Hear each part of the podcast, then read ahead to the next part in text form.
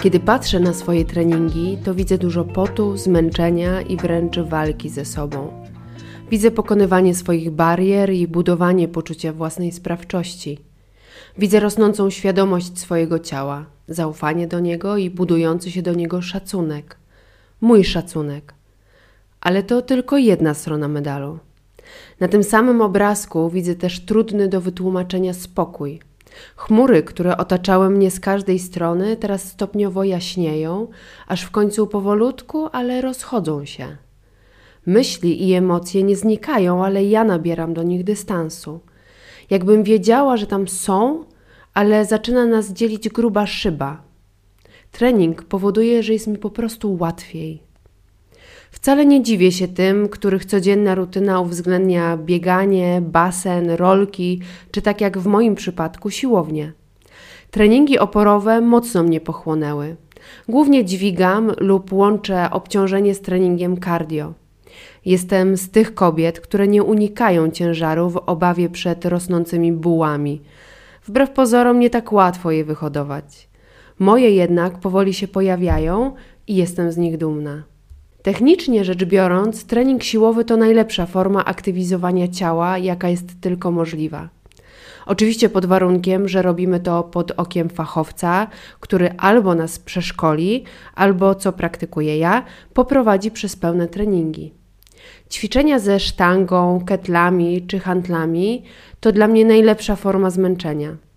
To trudna do wytłumaczenia mieszanka potu, niejednokrotnie bólu i łez w oczach z satysfakcją i cudownym wyrzutem dopaminy, serotoniny i endorfin. Wierz mi albo nie, ale wprowadza mnie to w długotrwający błogostan. Kiedyś medytowałam. Lubiłam siadać z zamkniętymi oczami we względnej ciszy. Nie potrzebowałam gongów, kadzideł i innych tego typu akcesoriów. Dla mnie to były zbędne ozdobniki. Nie mówię, że nie próbowałam. Zapach Palo Santo jest przyjemny, ale szczerze powiedziawszy, niewiele mi buduje z perspektywy koncentracji i bycia ze sobą, czego nie można powiedzieć o treningu. Ten daje mi wiele. To jest taki czas, w którym reszty świata jakby nie było. Problemy, frustracje, lęki i wszystko to, z czym w głowie mi niewygodnie, zostają przed bramką wejściową do klubu. Nie dziwię się tym, dla których to jest trudne do zrozumienia ale przecież każdy wyciąga z różnych czynności, relacji, doświadczeń tyle, ile w dużej mierze chce wyciągnąć. To troszkę jak z tym Instagramem. Każdy ma takiego Instagrama, jakiego sobie stworzy. Czytaj, jeśli będziesz obserwowała jedynie wartościowe dla ciebie profile, te, które dmuchają w twoje skrzydła, a nie będziesz lajkować bzdur i nierealistycznych obrazków z życia ludzi, których nie znasz, to internetowe media przestaną być aż tak toksyczne. Pewnego dnia przestałam siadać do 15-minutowej sesji skupienia. Nie oznacza to jednak, że przestałam medytować w ogóle. Jeśli przyjmiemy, że medytacja to wykonywanie czynności maksymalnie świadomie i nie myszkowanie myślami na boki, to bez wahania mogę powiedzieć, że medytacja ze mną została. Zmieniła się jedynie taktyka. Okazało się bowiem, że moment, w którym robię martwy ciąg, wyciskam sztangę na klatkę, czy robię przysiad z ciężarem na barkach, jest tym, w którym jestem absolutnie skupiona. Jestem tylko ja i prawidłowo prowadzony ruch. Tylko ja i maksymalna praca mięśni. Jestem wtedy całkowicie w swoim ciele. Cała moja uwaga jest zaangażowana w precyzję ruchu i oddechu. Trudno mi sobie teraz uzmysłowić inne sytuacje, w których jestem tak blisko siebie. Męcząc ciało, czuję, że dbam o głowę. Po jednej stronie serce bije mocniej, ale po drugiej coś się we mnie uspokaja. Mój tata mówił, że człowiek, kiedy się ostro zmęczy, łatwiej chwyta proporcje ważności spraw. Myślę, że wiedział, co mówi, skoro był sportowcem i dwukrotnym olimpijczykiem. Ze mną jest podobnie, to znaczy nie, żebym była olimpijką, tylko podczas treningów potrafię sobie też wiele rzeczy ułożyć w głowie, albo wręcz przeciwnie, doświadczam błogiej myślowej flauty. Z każdym treningiem wzmacniam też swój związek z ciałem. Myślę sobie, że relacja z fizycznością kobiet zawsze była skomplikowana, ale teraz staje się coraz trudniejsza. Social media skutecznie otwierają nam okno na świat, który jest w ogromnej mierze kompletnie nierealny. Automatycznie porównujemy się do innych, co działa na nas krzywdząco. Sport uczy mnie szacunku dla ciała, Uczy mnie, że ciało nie ma wyglądać. Ciało ma szereg innych, znacznie ważniejszych ról i zadań do spełnienia. Jednocześnie uczy mnie, że jest to transakcja wzajemności. Jeśli ja o nie nie dbam, to nic z niego nie mam. Skoro więc ćwiczenia mają na nas tak dobroczynny wpływ, to dlaczego tak trudno jest nam utrzymać ich regularność? Dlaczego po kilku wizytach na siłowni nagle wydarza się coś, co przerywa dobrą passę? Co się dzieje, że ta determinacja i ten doskonały plan działania nagle się rozpływa? Cała ta motywacja i energia pewnego dnia nagle pękają jak dziecięca bańka mydlana. Najgorsze jest chyba to, że to się dzieje całkiem niepostrzeżenie. Ze mną wielokrotnie było tak, że odpuszczałam jeden trening, bo byłam podziębiona albo cokolwiek, i nim się obejrzałam, to już okazało się, że sześć tygodni minęło od ostatniej wizyty w klubie. To jest klasyka gatunku. Jak zatem to zmienić? Przede wszystkim nie ulegam wątpliwości, że trening, bez względu na to, czy to jest trening oporowy, bieganie, pływanie, zumba, czy nawet yoga, wymaga dystansu do swoich myśli.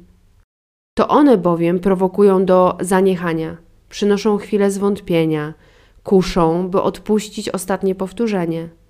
Prawda jest jednak taka, że w przypadku tych powtórzeń to jest trochę tak jak z bakiem paliwa w samochodzie. Kontrolka rezerwy zapala się ze znacznym wyprzedzeniem. Na ogół od pierwszego sygnału, że brakuje benzyny, dajemy radę przejechać jeszcze plus minus 100 km. Z głową jest tak samo. Ciało na ogół jest w stanie zrobić sporo więcej niż podpowiada głowa. Innymi słowy, od chwili, w której pomyślę, że nie dam już rady, zazwyczaj wchodzi jeszcze jedno, a czasami dwa powtórzenia. To jest niesamowite w sporcie. Tę samą strategię zastosowałam do budowania systematyczności treningów. Przestałam pytać siebie, czy mi się chce. Nie zastanawiam się, czy mam siłę i przestrzeń. Nie tłumaczę sobie, że jak zrobię trening, to będę dumna z tego, że go zrobiłam. Po prostu kompletnie przestałam ze sobą na ten temat rozmawiać. Zaczęłam traktować wyjście na siłownię jak mycie zębów. Jak byłyśmy dziećmi, to każdy powód był dobry, żeby ich nie umyć. Dziś to jest jednak nasz nawyk. Robimy to automatycznie, bez zbędnego analizowania. Uznałam, że z treningiem może być tak samo. Postawiłam na dyscyplinę, dzięki której od początku października zeszłego roku odwołałam dosłownie kilka treningów. Owszem, miałam motywację, ale znacznie lepsze efekty uzyskałam łącząc ją z dyscypliną. Czuję się z nią bezpiecznie, bo pozwala mi wytrwać do dziś. Innymi słowy, myśli to nie fakty, nie negocjuj z nimi. Nie pytaj siebie, czy chcesz, czy możesz, czy masz siłę. Nie pytaj, bo jest duże ryzyko, że pojawi się szereg argumentów, żeby odpuścić. Wracając jeszcze na chwilę do motywacji. Nie wiem, czy też to zauważyłaś, ale w ramach motywacji do ruchu powtarzają się m.in. takie słowa jak rygor, walka, wyrzeczenie, zaciśnięcie zębów, pot i łzy. Tu ja się zgadzam, ale tylko częściowo. Owszem, regularne treningi, regeneracja, odżywianie wymagają uważności i skupienia, czyli można powiedzieć dyscypliny. Dyscyplina i rygor to według mnie jednak nie to samo. Podczas ostatniego powtórzenia jest walka no bo jak mówiłam wcześniej, myśli każą odpuścić, a ja chcę wycisnąć z siebie jak najwięcej. Wyrzeczenie? No tak, no czas treningu jest tym samym czasem, w którym mogę rozkosznie oglądać Netflixa na kanapie albo przehandlować go na godzinę dłuższego snu. Pod wiadomo, bywa, że są i łzy, ale to osobny temat. Czyli niby wszystko się zgadza, no właśnie, ale ja mam ale, które tobie może wiele zmienić. Ogromną siłę ma bowiem mindset, czyli najkrócej rzecz ujmując, nastawienie. Skoro zatem jest ono tak ważne, to wcale się nie dziwię, że dla wielu kobiet narracja w kategorii wyrzeczeń, rygoru, walki i przymusu działa tak krótko. Nie czuję tu brania tego, co dla mnie dobre, tylko dawania z siebie więcej i więcej. A czy przypadkiem nie dajemy z siebie dostatecznie dużo poza siłownią, czy gdziekolwiek uprawiamy nasz sport? Dyscyplina jest wspaniałym narzędziem, które bardzo mi służy. Są jednak dni, w których bardziej potrzebuję powrotu do korzeni. To jest moja druga strategia, jaką chcę się z Tobą podzielić. Znajdź swoje dlaczego. Od momentu, w którym przeszło rok temu uczciwie odpowiedziałam sobie na pytanie, po co trenuję, co daje mi poszczególny trening, to moja systematyczność zmieniła się nie do poznania. Nie chodzi o wspomnianą na początku dumę ze zrobionego treningu. W trakcie epizodu depresji mam w dupie, że będę z siebie dumna, bo jedyne czego chcę to święty spokój. Ale kiedy przypomnę sobie, co daje mi trening, kiedy wrócę myślami do tego kojącego uczucia ciszy w głowie podczas powtórzenia, to zmienia się moje nastawienie. Biorę wtedy torbę sportową i idę. Jest jeszcze jedna kwestia. Czy kiedykolwiek deklarowałaś chociażby sama przed sobą, że od jutra, albo od poniedziałku, albo od pierwszego dnia miesiąca, albo od nowego roku regularnie będziesz ćwiczyć, albo nie będziesz jeść słodyczy, albo będziesz piła więcej wody? Tworzysz imponujący plan, strategię godną podziwu.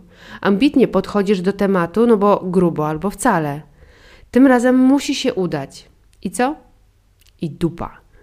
Jak to jest, że te wszystkie spektakularne deklaracje i te imponujące plany zmiany tak szybko rozmywają się przez palce? I żeby była jasność, ja też byłam w tym miejscu i zawsze kończyłam w punkcie wyjścia. Wiesz, co mi pomogło?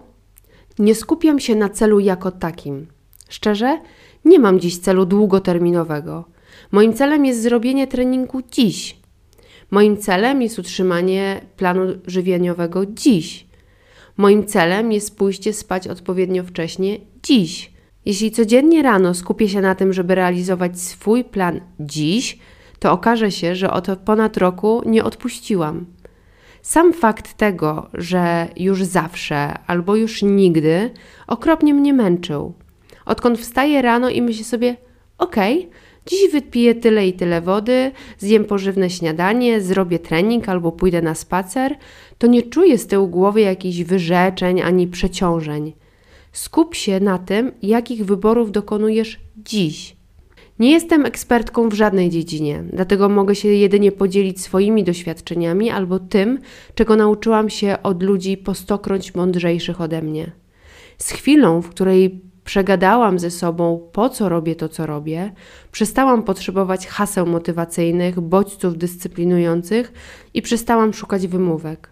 Codziennie rano wiem, dlaczego idę na trening i skupiam się, żeby go zrobić najlepiej, jak potrafię dziś. I tak w kółko. Jeśli danego dnia to narzędzie słabiej do mnie trafia, to po prostu przestaję dyskutować w ogóle i idę. W takiej sytuacji dyscyplina zawsze mnie ratuje. Tym sposobem z czasem trening stał się moją oczywistością, stał się integralną częścią mojej codzienności. A w prawdziwie gorszych chwilach nie odpuszczam. Wiem, że najtrudniej jest dostrzec na miejsce, a później to już z górki. I przyjmuję z pokorą, że widocznie dziś 10% jest moim 100%, ale to będzie i tak o 10% więcej, niż gdybym nie zrobiła nic.